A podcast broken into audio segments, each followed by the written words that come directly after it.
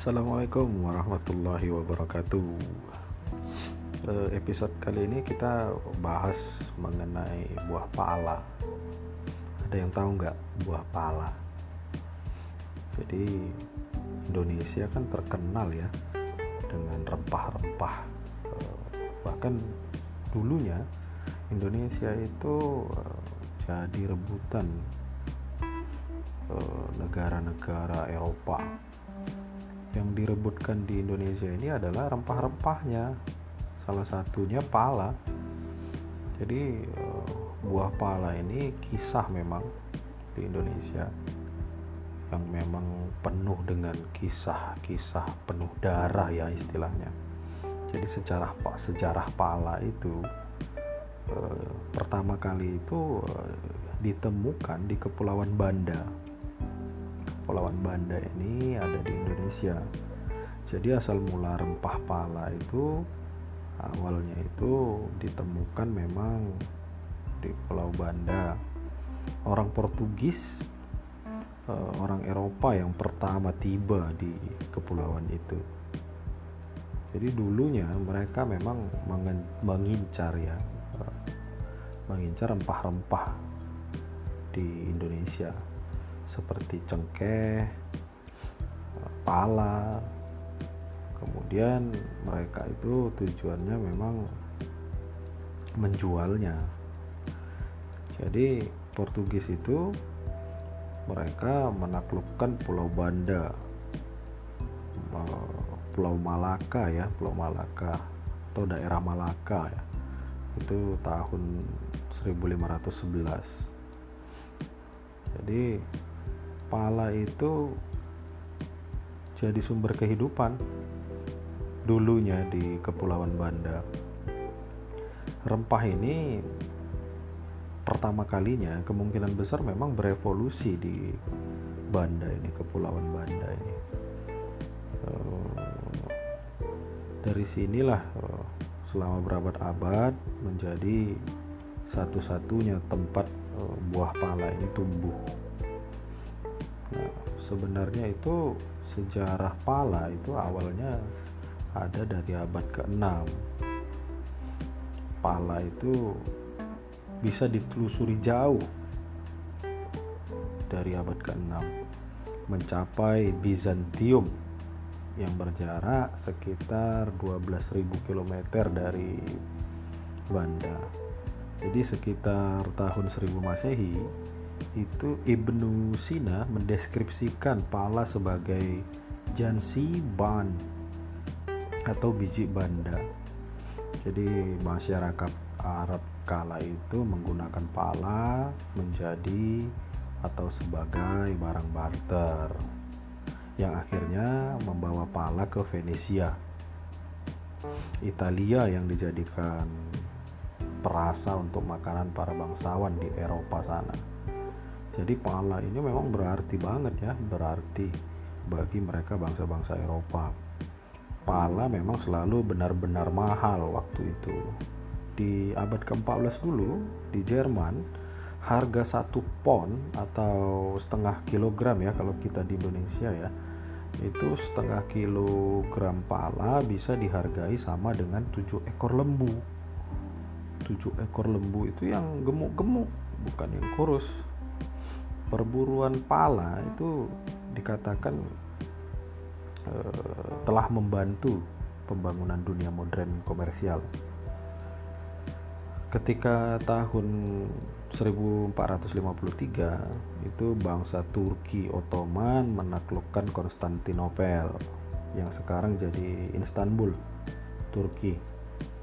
Itu kalau kisahnya yang sering dikenal kalau saya nggak salah itu Muhammad Al-Fatih. Jadi itu tadi berdampak pada embargo perdagangan di sepanjang tempat yang mereka lalui. Jadi sehingga banyak pedagang yang akhirnya menghindari monopoli rempah.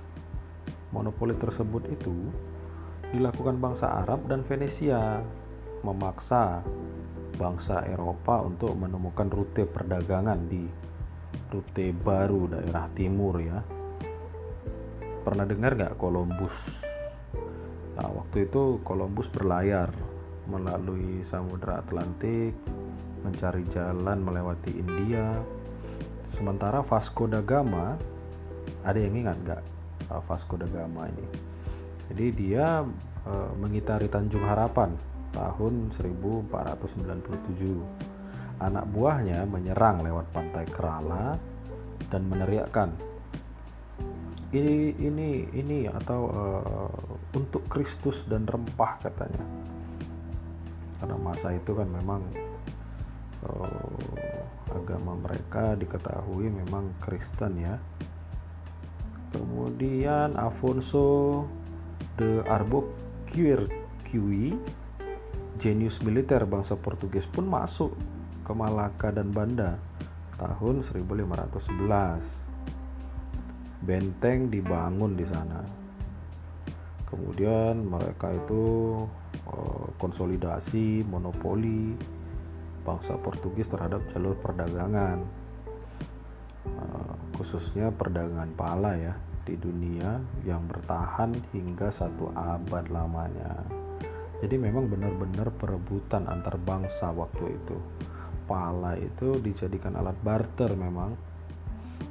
Jadi Eh, VOC yang ada di Indonesia itu berhasil menguasai Banda ketika tahun 1600-an lah. Mereka memperbudak masyarakat asli Banda pulau paling kecil di Banda dijadikan korban paling tersiksa dalam perbuatan atau uh, penjajahan waktu itu ya perebutan pala. Jadi informasi yang kita himpun dari uh, berbagai sumber pada tahun 1605 Belanda datang untuk menyingkirkan Portugis setelah uh, mereka berhasil menaklukkan Ambon. VOC membuat perjanjian dengan warga Banda yang mengharuskan mereka untuk menjual pala dan bunga pala hanya kepada VOC ini Belanda minta tanah nih kemudian warga Banda ketika itu menjual hasil bumi mereka kepada pedagang dari Jawa dari Makassar dan Inggris. Ini yang membuat ketegangan memuncak akhirnya 1609 eh, ada eh, warga Belanda lah ya atau orang Belanda Admiral Verhoef harus meregang nyawa saat negosiasi dengan warga Banda.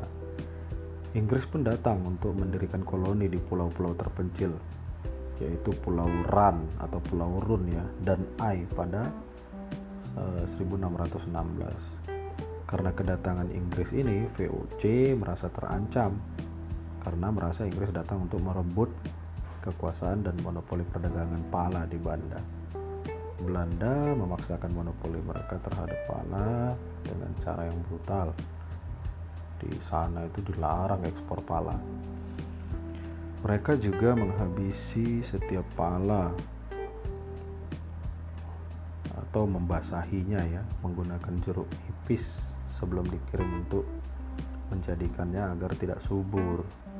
Selain itu diterapkan juga hukuman mati bagi mereka yang dicurigai mencuri menumbuhkan atau menjual pala di tempat lain. Jadi memang pala ini memang sangat berharga ya zaman itu ya.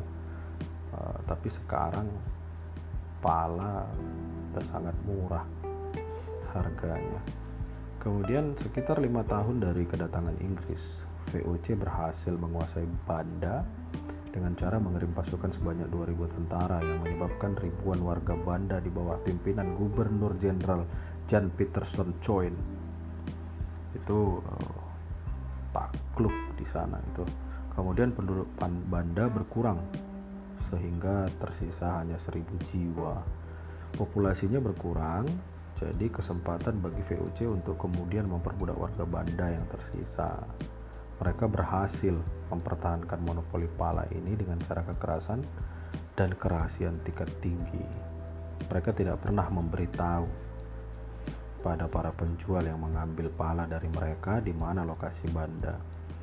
Hingga pada tahun 1769, seseorang bernama Pierre Pauvry, seorang ahli hortikultura dari Prancis datang ke Banda. Ia menyelundupkan pala dan pohon pala tepat di bawah hidung Belanda. Prancis pun berhasil menanam biji pala di koloni mereka di Mauritius. Monopoli Belanda perlahan hancur. Sementara itu, di Banda, Inggris belum menyerah mereka kembali ke Banda sekitar tahun 1796 sampai dengan 1800. Ketika VOC sudah diambang kehancuran, eh, VOC akhirnya bubar di akhir abad ke-18. Pemerintah Belanda yang mengambil alih. Inggris tak kunjung berhasil menguasai Banda. Mereka masih terus berusaha untuk menguasai Banda di tahun 1810 sampai 1817. Pada saat itu, cara Inggris tempuh untuk menghancurkan Belanda adalah dengan memperkenalkan pala ke daerah jajahan mereka lain di Asia Tenggara atau di Asia lah ya khususnya. Salah satunya adalah Penang. Penang Malaysia ya. Monopoli perdagangan pala dan bunga pala pun akhirnya berakhir pada tahun 1860 bersamaan dengan dihapuskannya perbudakan di seluruh Hindia Belanda. Jadi sungguh memang pala itu sangat punya nilai ya ketika zaman itu. Dalam sejarah bunga pala lebih umum digunakan sebagai bahan masakan. Bunga pala itu biasanya punya harga lebih murah dari pala karena dianggap lebih tajam rasanya. Maka dari itu lebih mudah dijual dalam jumlah sedikit. Di abad ke-16 dan 17, orang-orang Prancis akan membawa parutan pala ke pesta makan malam dan memarut biji pala untuk makanan yang akan mereka nikmati. Namun selera orang-orang Prancis terhadap pala dalam abad-abad berikutnya akan menurun dan sekarang dalam kuliner Prancis, pala biasanya digunakan hanya untuk saus dasar putih seperti bechamel. Orang-orang Belanda yang paling lama mengenal pala, yang paling banyak mencampurkannya pada makanan mereka. Pala juga populer di Quebec, provinsi di Kanada, yang punya budaya gastronomi yang baik. Rempah ini juga populer di daerah-daerah yang punya pengaruh dari Moor. Di Inggris, pala jadi penting bagi makanan berempah khususnya saat Natal. Mulai dari tarkustar hingga puding Inggris yang terkenal. Biasanya pala digabungkan dengan penggunaan kayu manis. Seringkali ada juga orang-orang yang mencampurkannya dengan sedikit pala sebagai topping untuk minuman coklat panas dan cappuccino mereka. Nah, eh, jadi tahu ya tentang sejarahnya pala. Jadi kiranya informasi yang warta cerita berikan akan bermanfaat bagi rekan-rekan pendengar. Terima kasih. Wassalam.